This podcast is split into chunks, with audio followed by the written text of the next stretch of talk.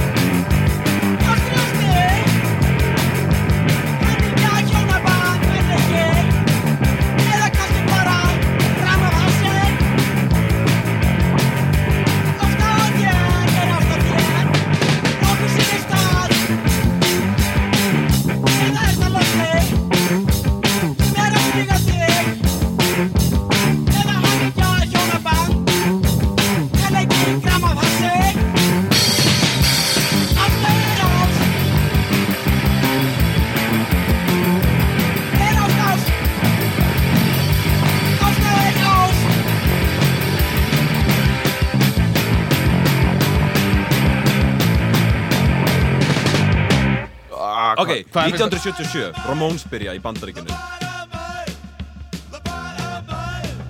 MC5 byrja fyrst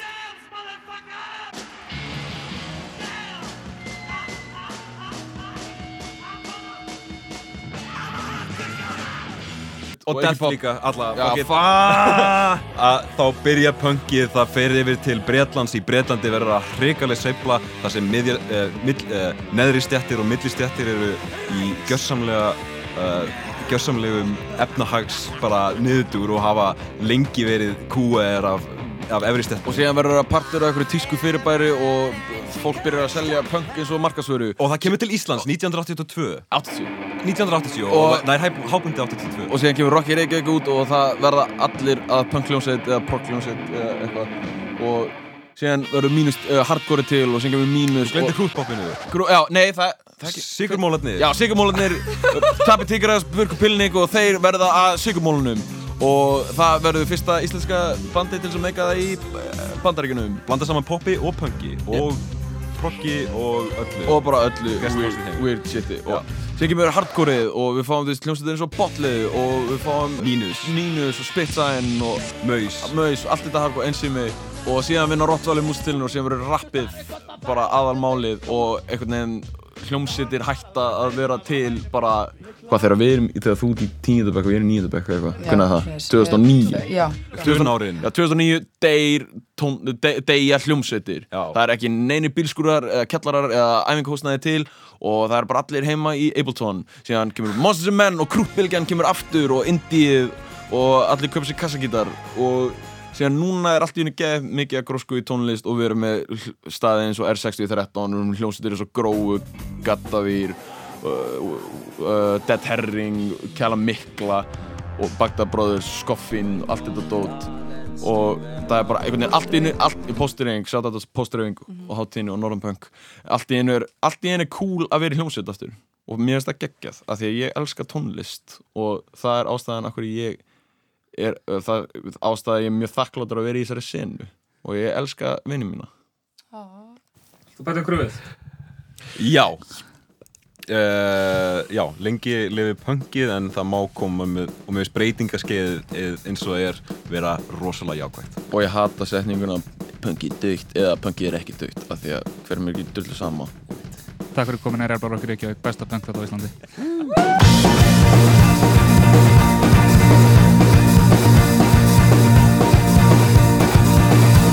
sér höfufallin skaut á lærum færð hans og ástaróðin völdur fram að trútu þegar tónlist fyllir við og vinnin sljókast þá er gott að elsk og vera úr en eiga hækkar blöðin verða úrest og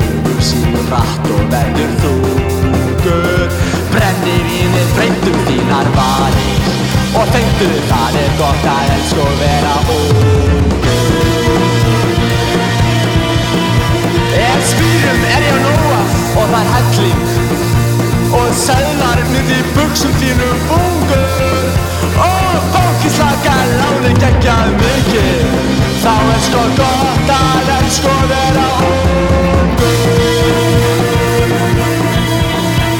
Ef stöðan rýfur í og askan fíkur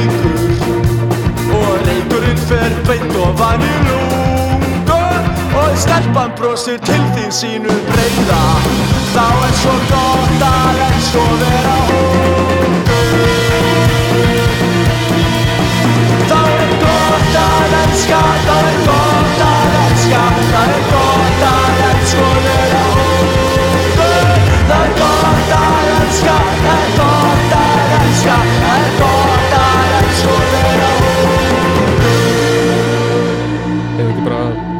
komið á stað þannig að mækurinn rúlar og við fáum bara bara við erum innan með Einar Erni Benediktssoni á þetta vinnustofan, eða ekki? Jú, þannig.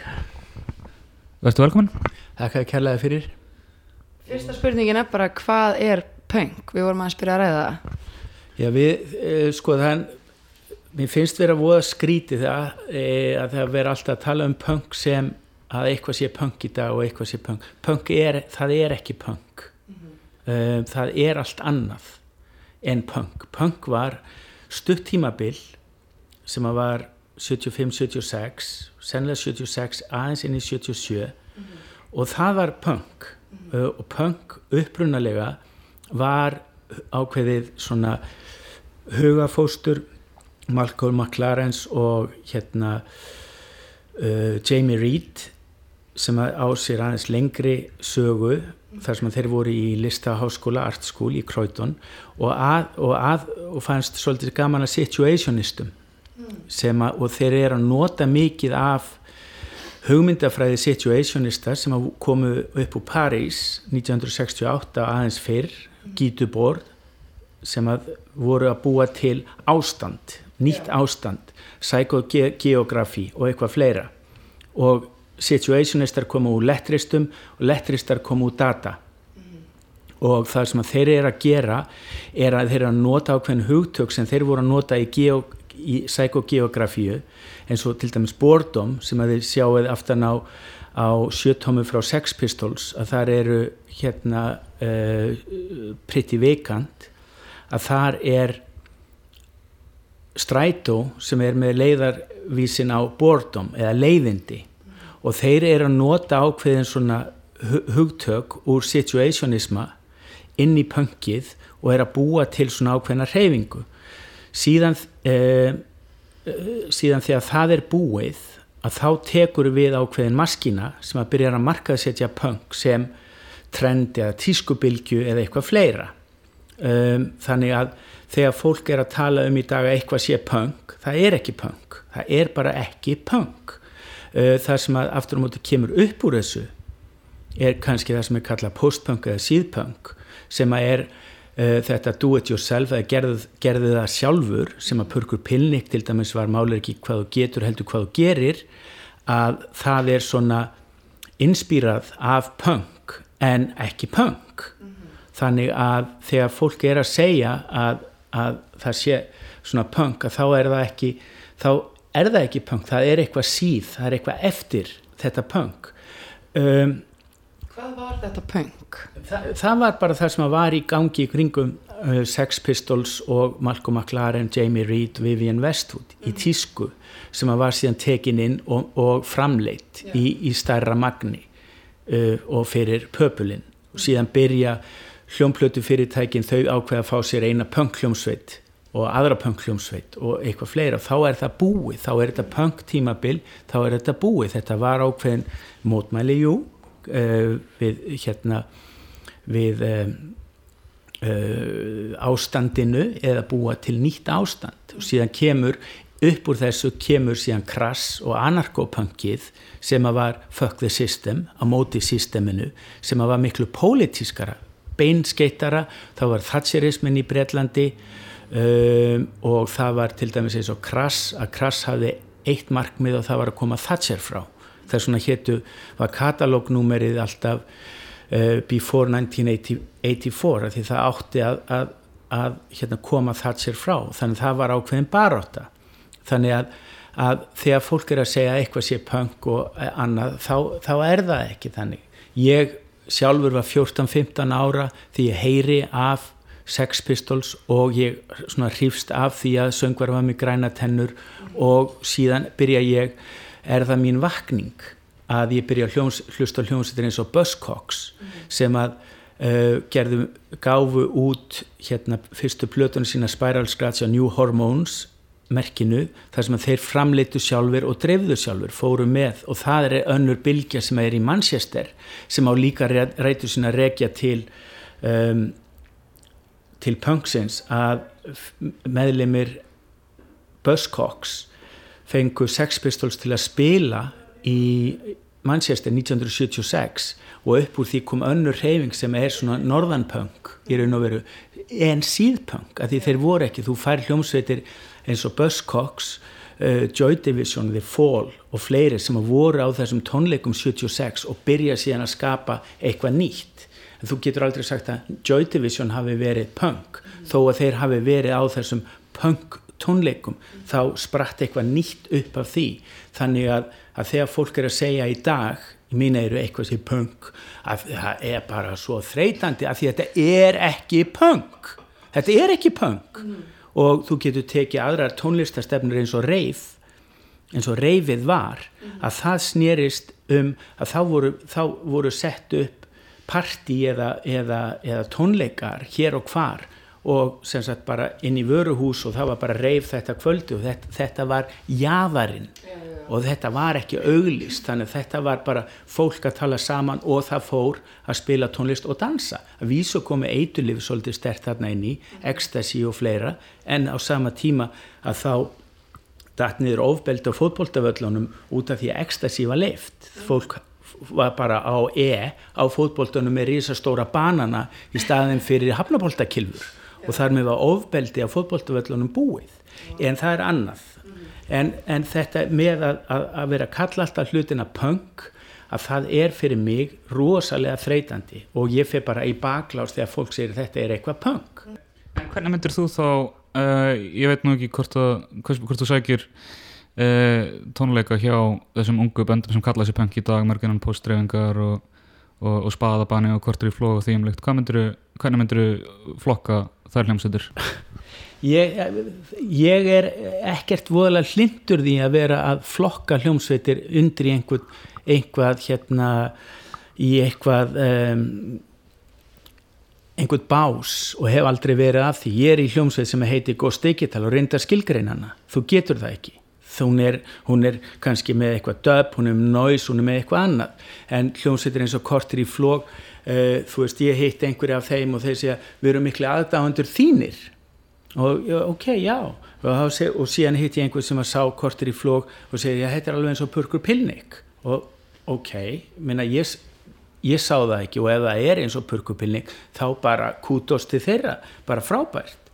En það er ekki rétt að kalla þetta punk að þetta er ekki punk. Þetta er, þetta er bara tónlistdagsins í dag og það er algjör óþarfi að vera að setja einhver merkimiða á þetta eins og postdreyfing og allt það að ég að, að þú veist að er, þau eru að gera allt sjálf og það er alveg það sama og hérna Pörku Pilning við hönnuðum okkar albúm sjálfur og við gáðum út sjálfur uh, Smekklis að gera það sama og þar voru við á, þú veist á sellufundum og ákveðum hinn og þessar hlutu og erum ennþá að því í dag 35 árum síðar þó að við séum ekki ennþá e, jafn ábyrrandi en það er þú veist en það er ekkert þar með sagt að það sé punk að því þú ert að gera það þannig. Þetta er bara ákveðin leið sem er fær sem er búið að uh, gera mögulega og hefur alltaf verið til. Hún hefur bara hún hefur alltaf verið jáðar En ég er smá,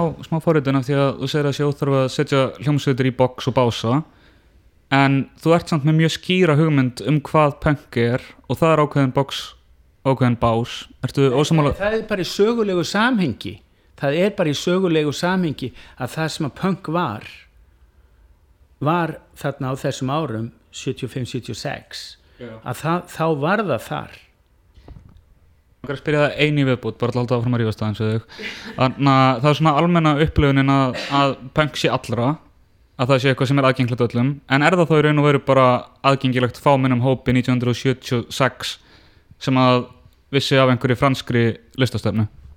Nei, ég veit ekki, ég skil ekki hvað, hvaða rifrildi þú átt við, við hérna, ég er ekki að rífast við þig um, um það uh, nei, það sem ég er að segja er að punk var á þessu tímabili sem ég er búin að tilnefna.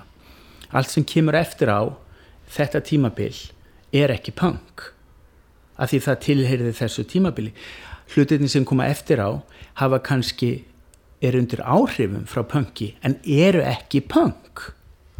Það er bara mjög einfalt. Ef þú horfir á hérna, þó ég hérna, fíla alveg hljónstuna kortir í flók að, að ef að það er sagt við mig þetta er svolítið eins og purku pilnik eins og purku pilnik og það er alltaf með tónlistina að, að fólk þarf alltaf að fá skilgreiningu þetta er eins og, eins og. Það getur aldrei tekið hana bara uh, á, í, á því hvað maður segja face value. Hvað er tónlistin fyrir mig? Þá er að horfa kortir í flók það er bara hressandi upplifun án þess að ég hafi referens inn í hvað hún hvað hún er að fá áhrifin sín.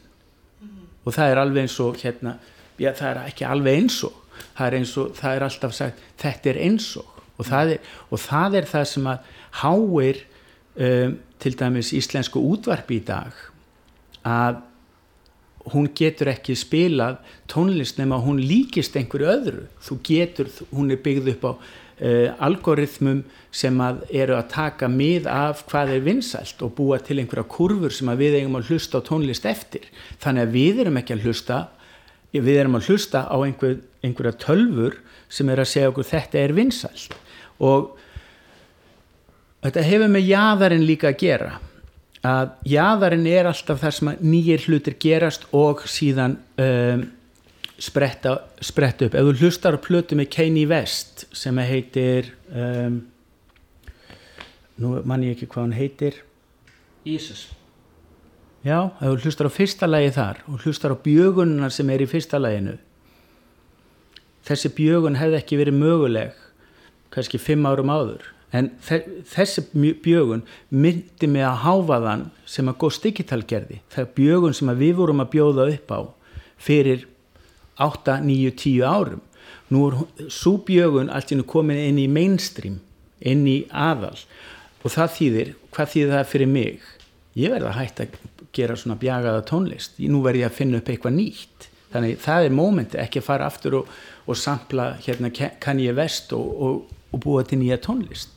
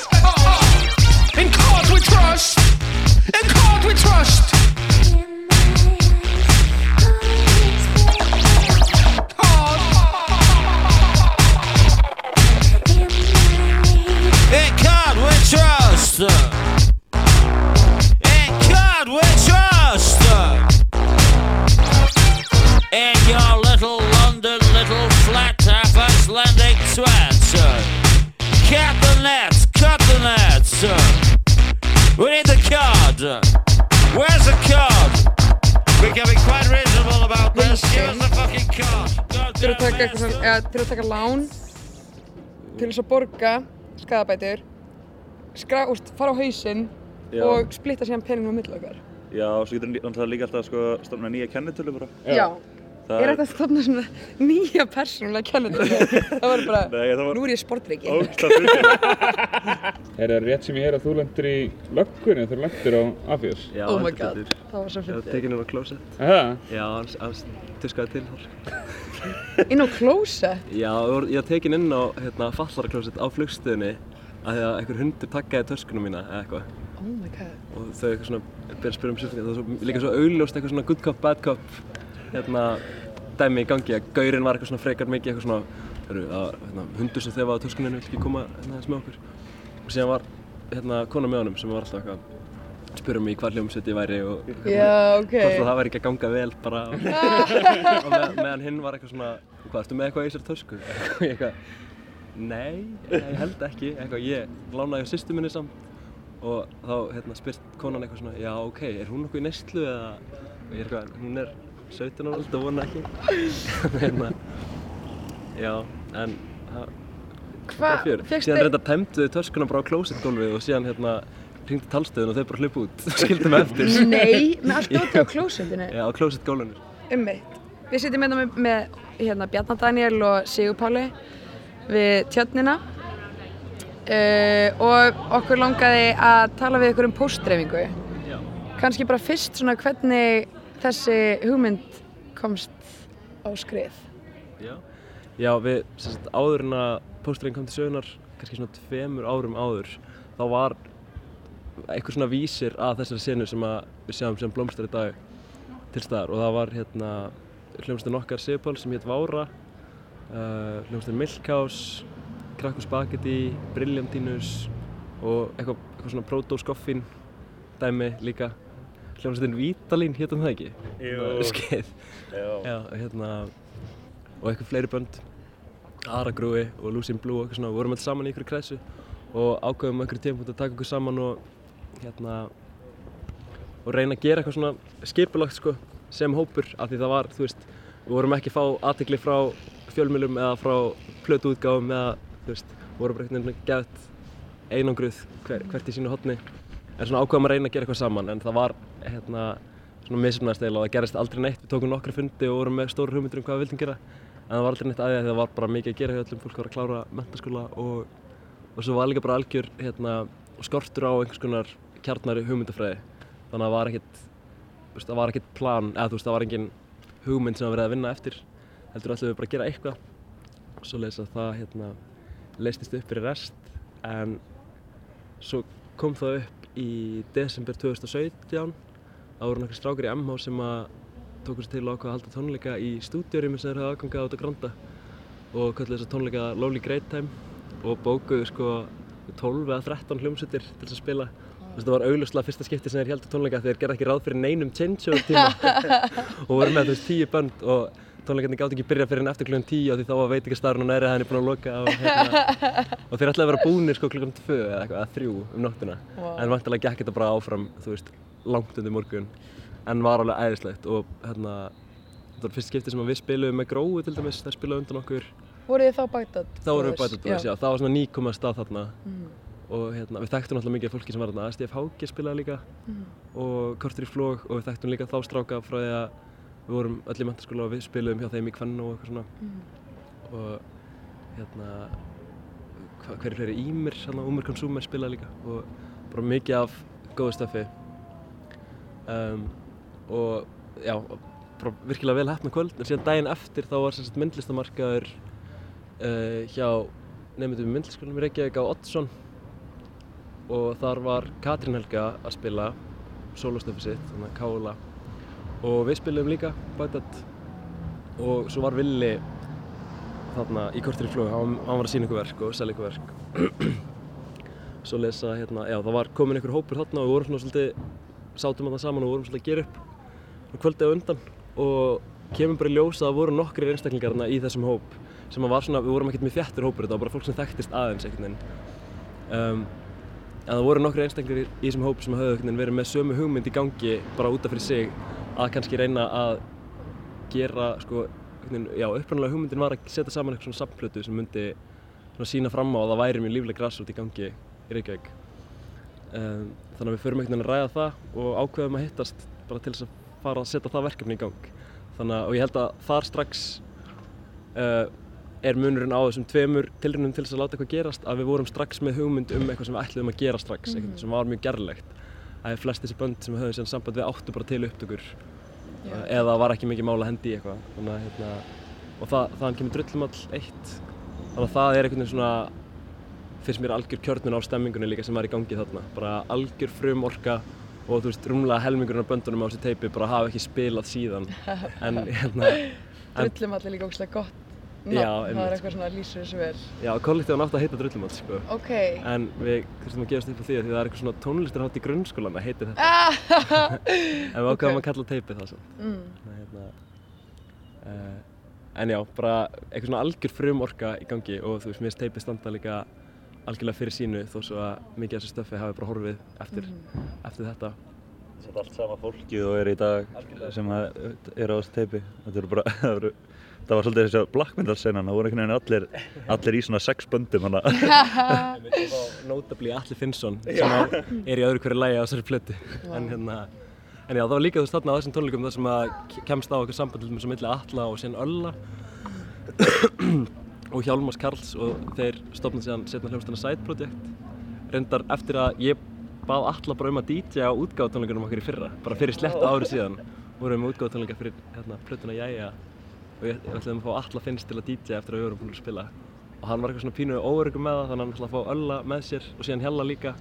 Og síðan endur þeir með að vera ekkert að DJ heldur bara að spila frumsamur stöf og það var bara hella og það var fyrsta sætbútið gigi skils mér. Nei, hérna, en upp úr þessu líka einmitt spretta bara nýjar hljómsveitir og, og bönd sem svona verið kannski smá í dvala eins og soloprojekti hjá Katrínu og hjá Andrisi svona bara allt í hennum fara á fullt skrið og koma plötur. Já, er endur Katrín ekki búin að gefa, gefa plötu ennþá en hún er alveg að koma. Uh, og Andris gaf út plötu. Og já, að ég veit ekki, það bara fer að stað eitthvað svo rosalega ykt sköpunar orka og það voru allir bara og það er eiginlega ennþá þannig að fólk er bara æst í að gera stöf og koma þið frá sér og vera ekkert að flækja hlutina. Og ég held að það sé einhvern veginn svona þú veist, ef ef við býðum með að ræða þú veist, pólitísku hliðina á þessu öllu saman þá er það einhvern veginn svolítið svona góð kjörnum á þessu batteri að það, þetta er bara spurning um það að þú veist, bara hópur af fólki sem að vil gera eitthvað koma bara saman og gera eitthvað. Og, og það hefur bara orkan hefur bara haldist einhvern veginn svipað há síðan þá sko. Er ekki, mér finnst sko, finnst ykkur ekki finna fyrir uh, mikillir grósku í þessari senu síðan að postdreifing uh, fór af stað, þú veist? Er ekki einhvern veginn svona það er, svo virðist vera alltaf svo ótrúlega mikið um að vera og bara svo mikið af, þú veist, fólki að að gera alls konar dót og er ekki mikið af því postdreifingu að þakka eins og til dæmis bara núna nýlega uh, vorum við að klára að fara yfir umsóknir sem við fengum fyrir hátíðinni í ár sem er tónlistarhátíðin sem við höldum sem sagt núna árlega, þetta er annarskipti sem við höldum hana uh, og við erum haldin á borðri við Rútafjörð helgina 15-7. júli 2019 og með er til sölu á postreifing.is en hérna Já, við sérst auðlistum eftir umsóknum og við vorum kannski, þú veist, við, við gáum í held í þrjár vikur þá tímaramir sem fólk hætti sendt inn umsóknir og við vorum að hugsa með okkur, já, við kannski fáum, þú veist, eitthvað 10-15 stykki ef við erum heppin og getum þá fundið eitthvað ný næst bönd sem við vissum ekki af áður en svo fengum við hátt í 40 umsóknir Wow. og við, þú veist, við áttum tæplega 10 slott laus en byggum bara til nokkur auka því við fengum svo gæðið mikið af góðum umsóknum Þú við vorum að tala um bara, þú veist, 17 ára krakkar eitthvað sem voru bara að stopna svona fyrstu hljómsveit og töluðu um sérstaklega að póstræðing hefði veitt um innblástur Vá. og vildu sérstaklega þakka póstræðingu fyrir sitt framtak til græsrótamenningar og það var ekkert einn svona, það, það gerði okkur mjög meir sko. Það var ótrúlega fallið að lesa það Það er geggjað. þannig að hérna, þú veist, þetta er svona, já, maður nánast væri þessa tilfinningu, þú veist, að hérna, að fólk hafi tekið sér til og kilt á að gera eitthvað Mm. af því að þetta stóð til búða bara eins og þegar þú veist, þegar maður var kannski um, þú veist, fyrir nokkrum árum að, að rífa sig í gang og klára sem ykkur lög til þess að geta sótt um að músíktilunir þannig að hérna Og en samt eru áhersluna svo ólíkar af því þetta er ekki keppnisumhverfi og að ég veit ekki, svona mikið af Akkurat. Ég var einmitt bara við upp, þú veist, í gær held ég að bara eitthvað svona að ég talandi um eitthvað svona fyrirmyndir, þú veist, það er svo erfitt að fara af stað út í eitthvað án fyrirmynda sem að ég held að hafi kannski oft verið ástæðan fyrir því að það er kannski ekki jafn mikið af, af konum, þú veist, í tónlistæði það er ekki jafn margar uh, fyrirmyndir. Og ég var eitthvað svona að tala um Reykjavíkudætur í því samhengi, bara eitthvað svona hvað ég man ég man að það var eitthvað svona ógæðslega mikill uh, innblástur fyrir mig og eitthvað ógæðslega margar stelpur, bara eitthvað svona já, maður má bara gera eitthvað, þú veist. Og, og það var líka eitthvað svona punk attitude í því að það var ekki fullkomið, þar voru ekki allar eitthvað geggjaði rapparar. Og hérna, sem að mér finnst líka alltaf eitthvað svona ég elska að sjá eitthvað sem er ekki endilega fullkomið eða þú veist, eitthvað svona hljóðfæraleikara sem er ekki alveg eitthvað svona eitthvað miljón prosent með þetta en hafa bara gett mikið passion og ég held að það sé líka alltaf ógstlega mikið innspó fyrir fólk sem langar að reyna og að fatta að það þarf ekki alltaf að vera gegja eða fullkomið en þá er kannski myndist á pólitíkin á þann hver er svona hugmyndafræði póstræðingar? Það hafa verið svolítið hítið umræður um þetta undanfarið. Ok. Það er líka mjög mikilvægt að, hérna, að taka fram að það er ekki eitthvað sem að við skömmumst okkur, okkar fyrir eða viljum halda leyndu. Að, þú veist, að það er mjög eðlilegt að í svona stórum, hóp fólk, stórum hópi fólks hérna, sé fólk ósamála um Já. nýmsu atriði. Í grunninn er pósturinn alltaf bara svolítið hápólitískur hópur og við einhvern veginn, við kannski gerðum þau mistök snemma að, hérna, að útskýra það ekki nógu vel. Hva, Skilgrinn ekki það nógu vel einmitt, þannig að það bauði upp á miskilingar sem setna mér. þetta eru bara, þetta eru bara spurningum svolítið pólitískar áherslur, skilur við, hvað, hvað, eða hvernig þú í rauninni skilgreinir hvað við erum, þú veist, hvort að við séum eh, kommunistar, anarkistar eða, eða svoleiði skilur við, eða, eða, eða hvort að, maður, hvort að við viljum skilgreina það yfir höfuð. Hvort það sé, hvort það sé siðferðslega rétt að hérna, setja bjórlogo á plaggat og fá frýtt prent eða, og hvort það sé, hérna, hvort það samræmist hugmyndafræðin okkar að sækja um styrkja borginni til þess að gera eitthvað. Þetta, eru- eru umræður sem í alvörunni við höfum þurft að taka. Og fólk hefur bara verið ekki til í að gera ýmislegt og þú veist, og enda er það líka bara mjög viringavert og hérna og ég hef líka fundið mig sjálfan einhvern veginn og ég held að flestir hafa upplegað þetta bara ymsum megin við einhvern veginn uh, umræðupunktin eða þú veist að hérna, afstöðu breytast og það er líka það sem er fallegt við þetta umhverju þetta býður mjög mikið upp á þroskandi samræður og fólk er einhvern veginn að þroskast í starfi að þú ert einhvern veginn stöðut að vinna að einhverju markmiðum Já, svo er maður líka alltaf einhvern veginn svona að við þurfum, að, við þurfum rosalega mikið að dependa á okkar svona kerfi sem að við, við viljum vera uh, andsnúin. Já. Og það er líka, já, mitt, eins og þetta að- að vera með einhver spons og eitthvað svona skilur við, að, hvernig brettar þú frí plakkut annars og þetta er svona, Já. menn, maður er alltaf eitthvað svona að hoppa, hoppa á milli skoðana svolítið í, í, hérna, í þessu samræðum. Það eru mjög áhugaverðar, sko. Hversu langt er hægt að ganga í að nýta sér það sem er til á þess að það sé orðið bara of þversanakent til þess að geta einhvern veginn samræmst hugmyndfræðin sem við reynum að vinna eftir. En, en svo er náttúrulega líka það sko að póstræðing er veist, og í grunninn snýst þetta bara um fyrst og fremst músík en þetta líka önnur listform.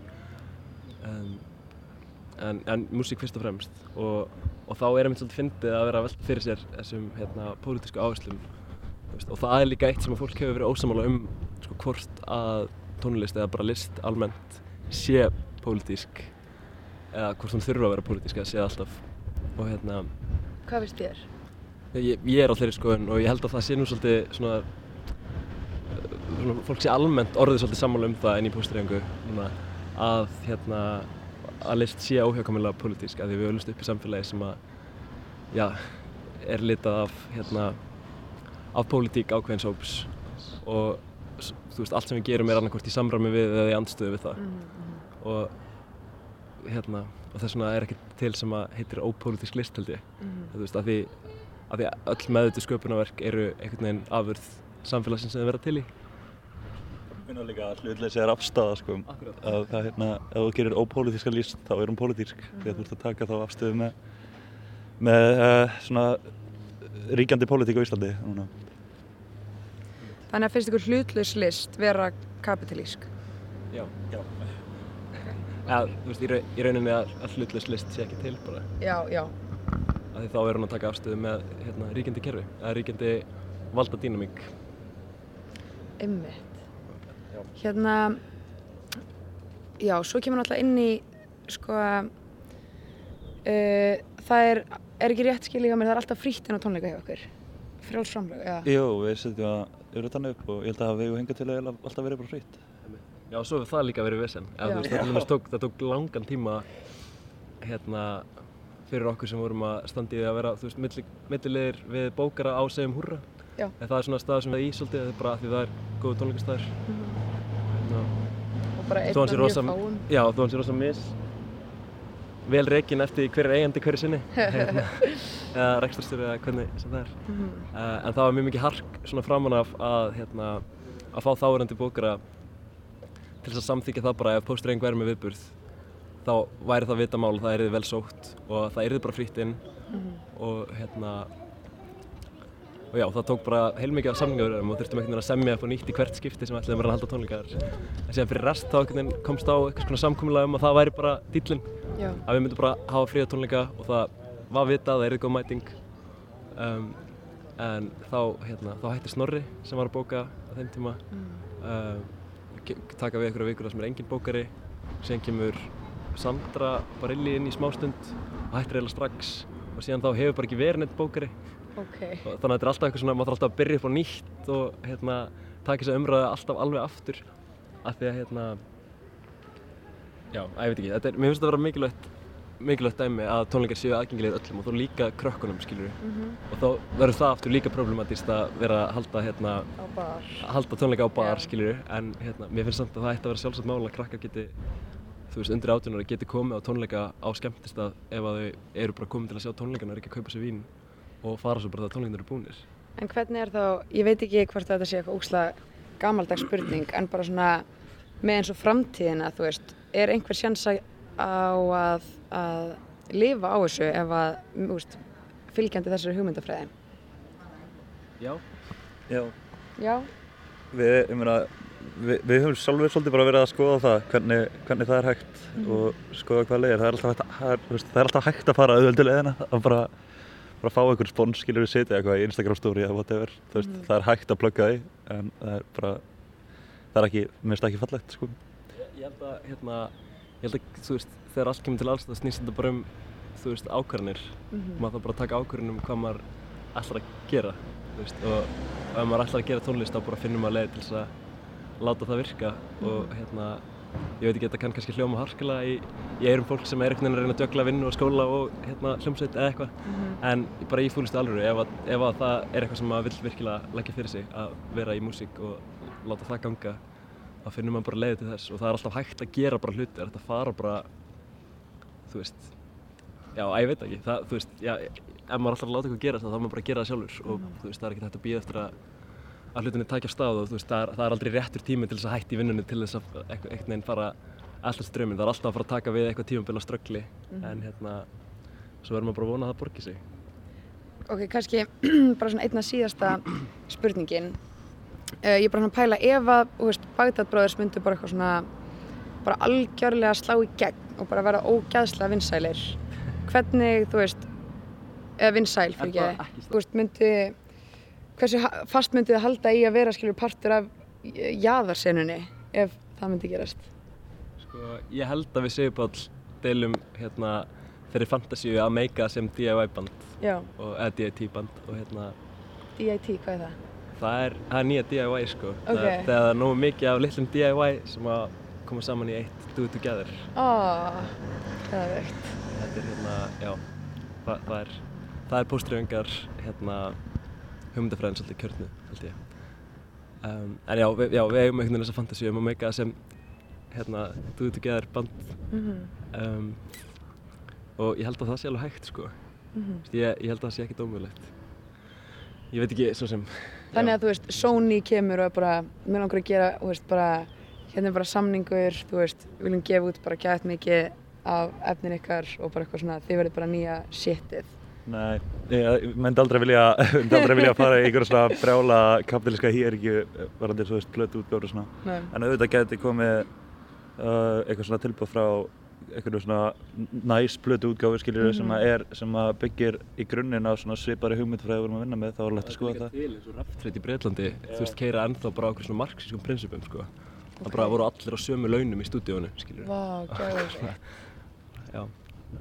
Þetta er, já, þetta er alveg til alls staðar í heiminum sko, og, en það er bara spurning um að bara leita rétt sko, og vera ekkert að hugsa eitthvað um eitthvað svona risa skiljur þú þarft ekki eitthvað svona þú þarft ekki eitthvað Sony eða EMI til að meika það skiljur og síðan líka vil ég setja, kasta frá þeirri spurningu eða, veist, hvað þýðir það að meika eða þú veist, svona einhvern veginn minn skilningur á hérna, þeirri pælingu er bara það að þurfa ekki að gera neitt annað heldur en að geta verið að gera músík og, og hluti hérna, tengda henni.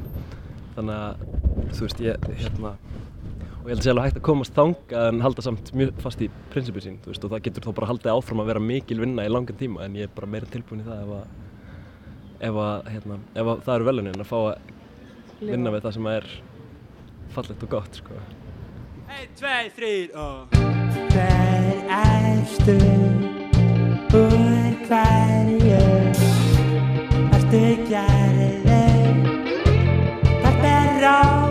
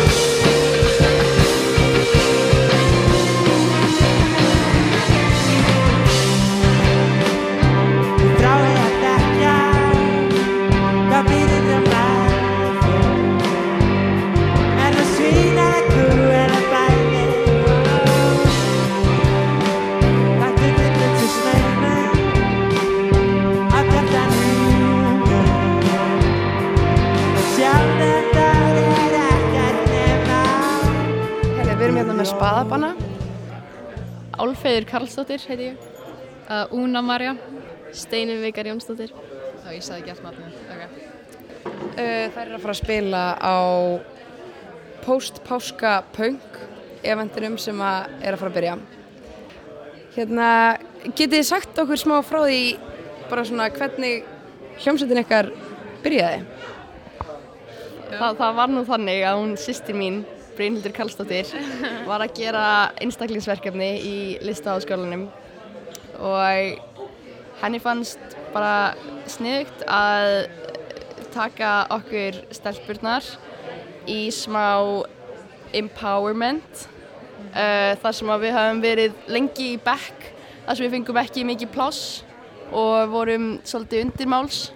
Og hún svona bara svolítið Já, hún fór bara með okkur í hormónar hann að æfingahúsnæði og við áttum bara að fá smá útrás og, en það okkur gekk bara mjög vel og hljómsveitin hjælt áfram.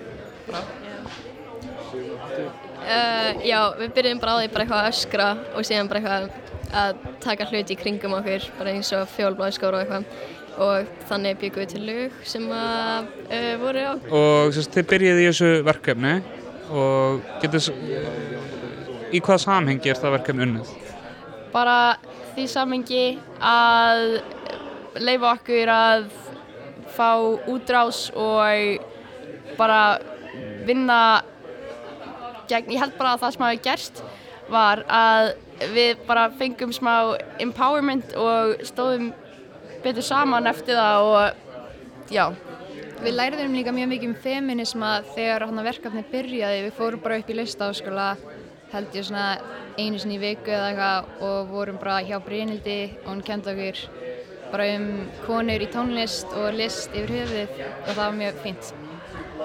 Og var það eitthvað sem að ykkur skort sem að þið hefði ekki, ekki fengið nóg mikið af fyrir, hvern kynns fyrirmyndum í tónlist og list? Já, kannski var það eitthvað sem að hún definitely hjálpaði okkur.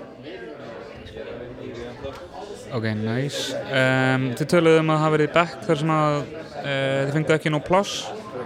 Er það eitthvað, hafið, hefur það eitthvað, lítur það eitthvað betri vegar? Uh, já, við vorum bara og erum ennþá í bara svona típiskum skiluru back þar sem að strákarnir hafa svolítið yfirhöndina og við vorum svolítið bara svona ekki alveg að fíla það þannig að, og ég held sko við höfum oft pælt í því að því ástandi var betra eftir að spaðabanni byrjaði allavega að mínum mati en ég held að bekkurinn hafa ekki breyst mikið það var aðalega bara samstaða okkar á milli og þú veist, við, við okkur leið bara betur Já, ég held alveg líka að strákanir hefur orðið hann að orðið sem að hrættir við okkur eftir það sem, sem er líka bara fínt. Já. Já, og við náðum líka bara að vera við sjálfar í þessum bekk og eitthvað eftir þetta sem að hjálpa mér mikið. Og er það eitthvað sem að e, smitaði sín til aðra bekkjar systra ykkar? Já, það leiti líka til þess að við stofnum feministafélag í skólanum okkar og þá okkur er ekki búið að ganga mjög vel þá erum við samt alveg, við heldum einn fund þar sem það voru margar stelpur úr áttundabekk sem komu og voru bara að segja frá reynslunni sinni að vera í svona strákabekk og við vorum svolítið bara að segja um að það væri ekki í lagi hvernig ástandi væri. Og þær eru alveg bara ha, þú veist, með þeir ekki þú veist, eitthvað láta eins og gera. Þannig að já. Tali um hérna samstöðu sem að mér erst mjög áhugavert og um að svona ykkar samstæða hafi svolítið orðið til þess að þið eruðu einhvern veginn sterkar saman. Uh, ef að við færum það yfir á hérna uh, tónlistasenuna að því að núna er mjög mikið, þið eru partur af póstreifingu, er það ekki rétt? Já. Jú, jú. Og hérna, og það fyrirbæri gengur líka svolítið út á, á samstöðu að það eru hljómsveitir einhvern veginn að standa saman til þess að mynda eitthvað svona senu. Uh, hvernig, þú veist, er það búið að gera mikið fyrir ykkur til dæmis að vera teknar inn af þeim? Já, já, 100% mjög mikið. mjög mikið, sko. Við spilum miklu oftar en við gerðum fyrir svona náttúrulega mánuðum og við erum líka stafnið að taka plötu að allavega einhver lög bráðum sem mjög mikið bara bjarnadanilega að þakka. Þannig að já, sem á, sem sagt, póstreiningu held ég, já. Já. Og e, hvernig, hver er svona aðkom ykkar að þessu, að þessum event sem er að Það er nú bara þannig Það kísum ég bara sem við spilum með þeim hann um daginn með skoffín og þeir bara, já, við okkur um að spila hér í kvöld. Getið þið sagt okkur eitthvað eins frá tónlistin ykkur? Já, þetta er svona feminísk punk uh, hljómsveit. Já. Og já, bara svona mjög mikið bland eiginlega. Já. Já, við fáum mjög mikið hana, inspiration frá hana, Cocaine Piss og Le Tigre, Bikini Kill og Minor Threat. Já. Já. Já, takk. Kekjað. Og frá sköpunarferlinu, hvernig hefði þið komið að því að búa til tónlist og er þið með ákveðin hljóðfæri eða Við sko rótirum svolítið. Ég spila á bassa og syng og Steinur spila líka á bassa og trommur og syngur og Una spila á trommur og syngur Og, og bassa. og bassa og... Ég er samt, ég er aðalega á uh, trommur og þú ert aðalega á bassa, er það ekki, og Steinu syngur. Jú. Já, já, eitthvað þannig. Þannig að Álfið er aðalega bassa, Úna er aðalega á trommum. Ykkur, ykkur partur af pólitíkinni að rótera hljóðfærum? Uh, nei, ég held ekki. Vi, við vorum bara á fyrstu æfingun okkar og okkur langaði bara svo mikið að gera allt. Ég var eitthvað með langar að spila bassa og gítar og trommur og svo bara, uh, þá bara breyttum við því ekki. Það er bara mjög gaman að rútira, sko. Já, við erum líka að reyna að bæta við fleiri hana hljóðfærum, þannig að, já. Þannig að núna er, er bassi og trommur og söngur. Jú. Og tölva, garageband uh, upptaka. Þið voru 14 ára þegar hljómsnum byrjaði, núna eru þið 15 ára. Hvað hafa, hérna, og það er kannski ekki endilega í samfélaginu mikið, það er reyndar svolítið að gerast núna með svona loftslagsmótmælinn og það er svona alls konar krakkar einhvern veginn að fá stærri rödd.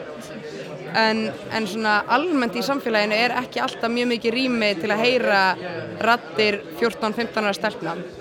Þannig að hvað hafið þið að segja? Bara margt og mikið. Já, uh, ég held að aðal bara svona messageið okkar sé að því tónlistin okkar er ekki alveg að eins og flest önnur tónlist. Þannig að uh, ég held að mjög mikið mjög mikill partur að spaðabana sé bara við sem að hafa hátt og vera smá skrítnar og gera hluti sem fólk er ekki alveg beint að búast við.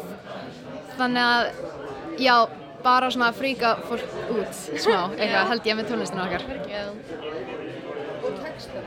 Um hvað eru þeir? Það er eiginlega hægt að tólka það bara á þann veg sem þú vilt. Táknarnasta lagið, lagið okkar væri pulsulagið. Það er svona, það er textin ég borða ekki pulsur, ég drekka ekki bjór. Um, sem að já, er bara, ge- eru við, við, bara tve- tveir, bara áfengi og, og kjöt uh, sem að við neytum ekki, eða, já. Já, líka bara, ég held að við tölum líka svolítið mikið um það hvernig það er að vera úlningur nú til dags og þú veist, drekka ekki og vera ekki, þú veist, að ég vil ekki segja í neyslu, að þú veist, að ekki, að vera alveg svona straight edge. Því það er, það er smá, það getur alveg verið smá erfitt, en að ég... Upplifið þið einhverja svona mótstöðu eða eitthvað í því?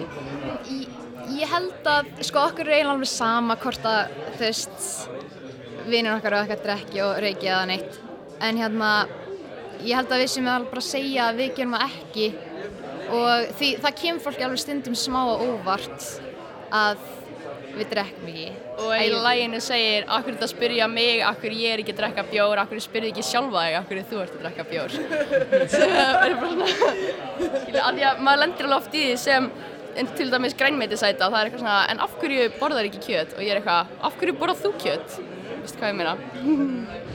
Og um, hvað þýðir punk fyrir ykkur? Þið eru þannig að feminist punklumsett. Hvernig, na, hvað tengið þið við punk hugtakið? Uh, mér, ok, ég persónulega, ég ólst upp mjög mikið með punk tónlist þannig að punk tónlist hefur alltaf verið mjög mikið í kringum mig og mér finnst það bara eiginlega einn mikilvægasta tónlistategund bara ever því að ég veit ekki, það er bara svo margt hægt að segja með punk tónlist og svona punk framkomu og líka bara saga punk sinns er mikilvæg og áhugaverð. Þannig að, já. Uh, ákveðið svona inclusive uh, eða að hérna það, hún krefst ekki ákveðinar svona hæfni á hljóðfærin það er hægt að búa margt til án þess að kunna endilega skalana sem er kannski ekki hægt í klassískri tónlist eða slíkt Já, ég, þú veist, við kunnum ekki að bassa, en það hljóma samt vel. Það er alveg margir búin að spyrja mig út í hérna, bassalínuna í, í Pírett, bara síðast áðan. Ef ég hefði kunnað að bassa það, það ég eru ekki fyndið upp á þeirri bassalínu.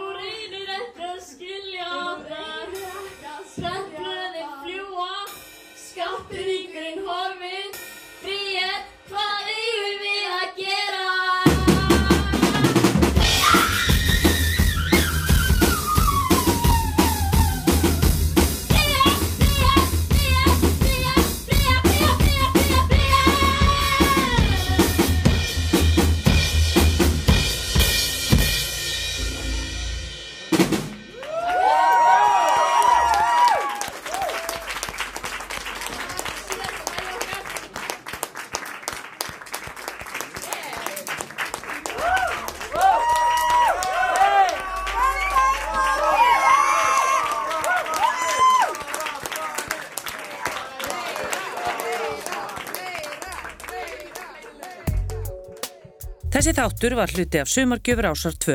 Þú getur nálgast fleiri þætti úr safnir ásar 2 í spilaranum á rúf.is, í rúf appinu fyrir snjalltæki og öllum helstu hlaðvarpsveitum.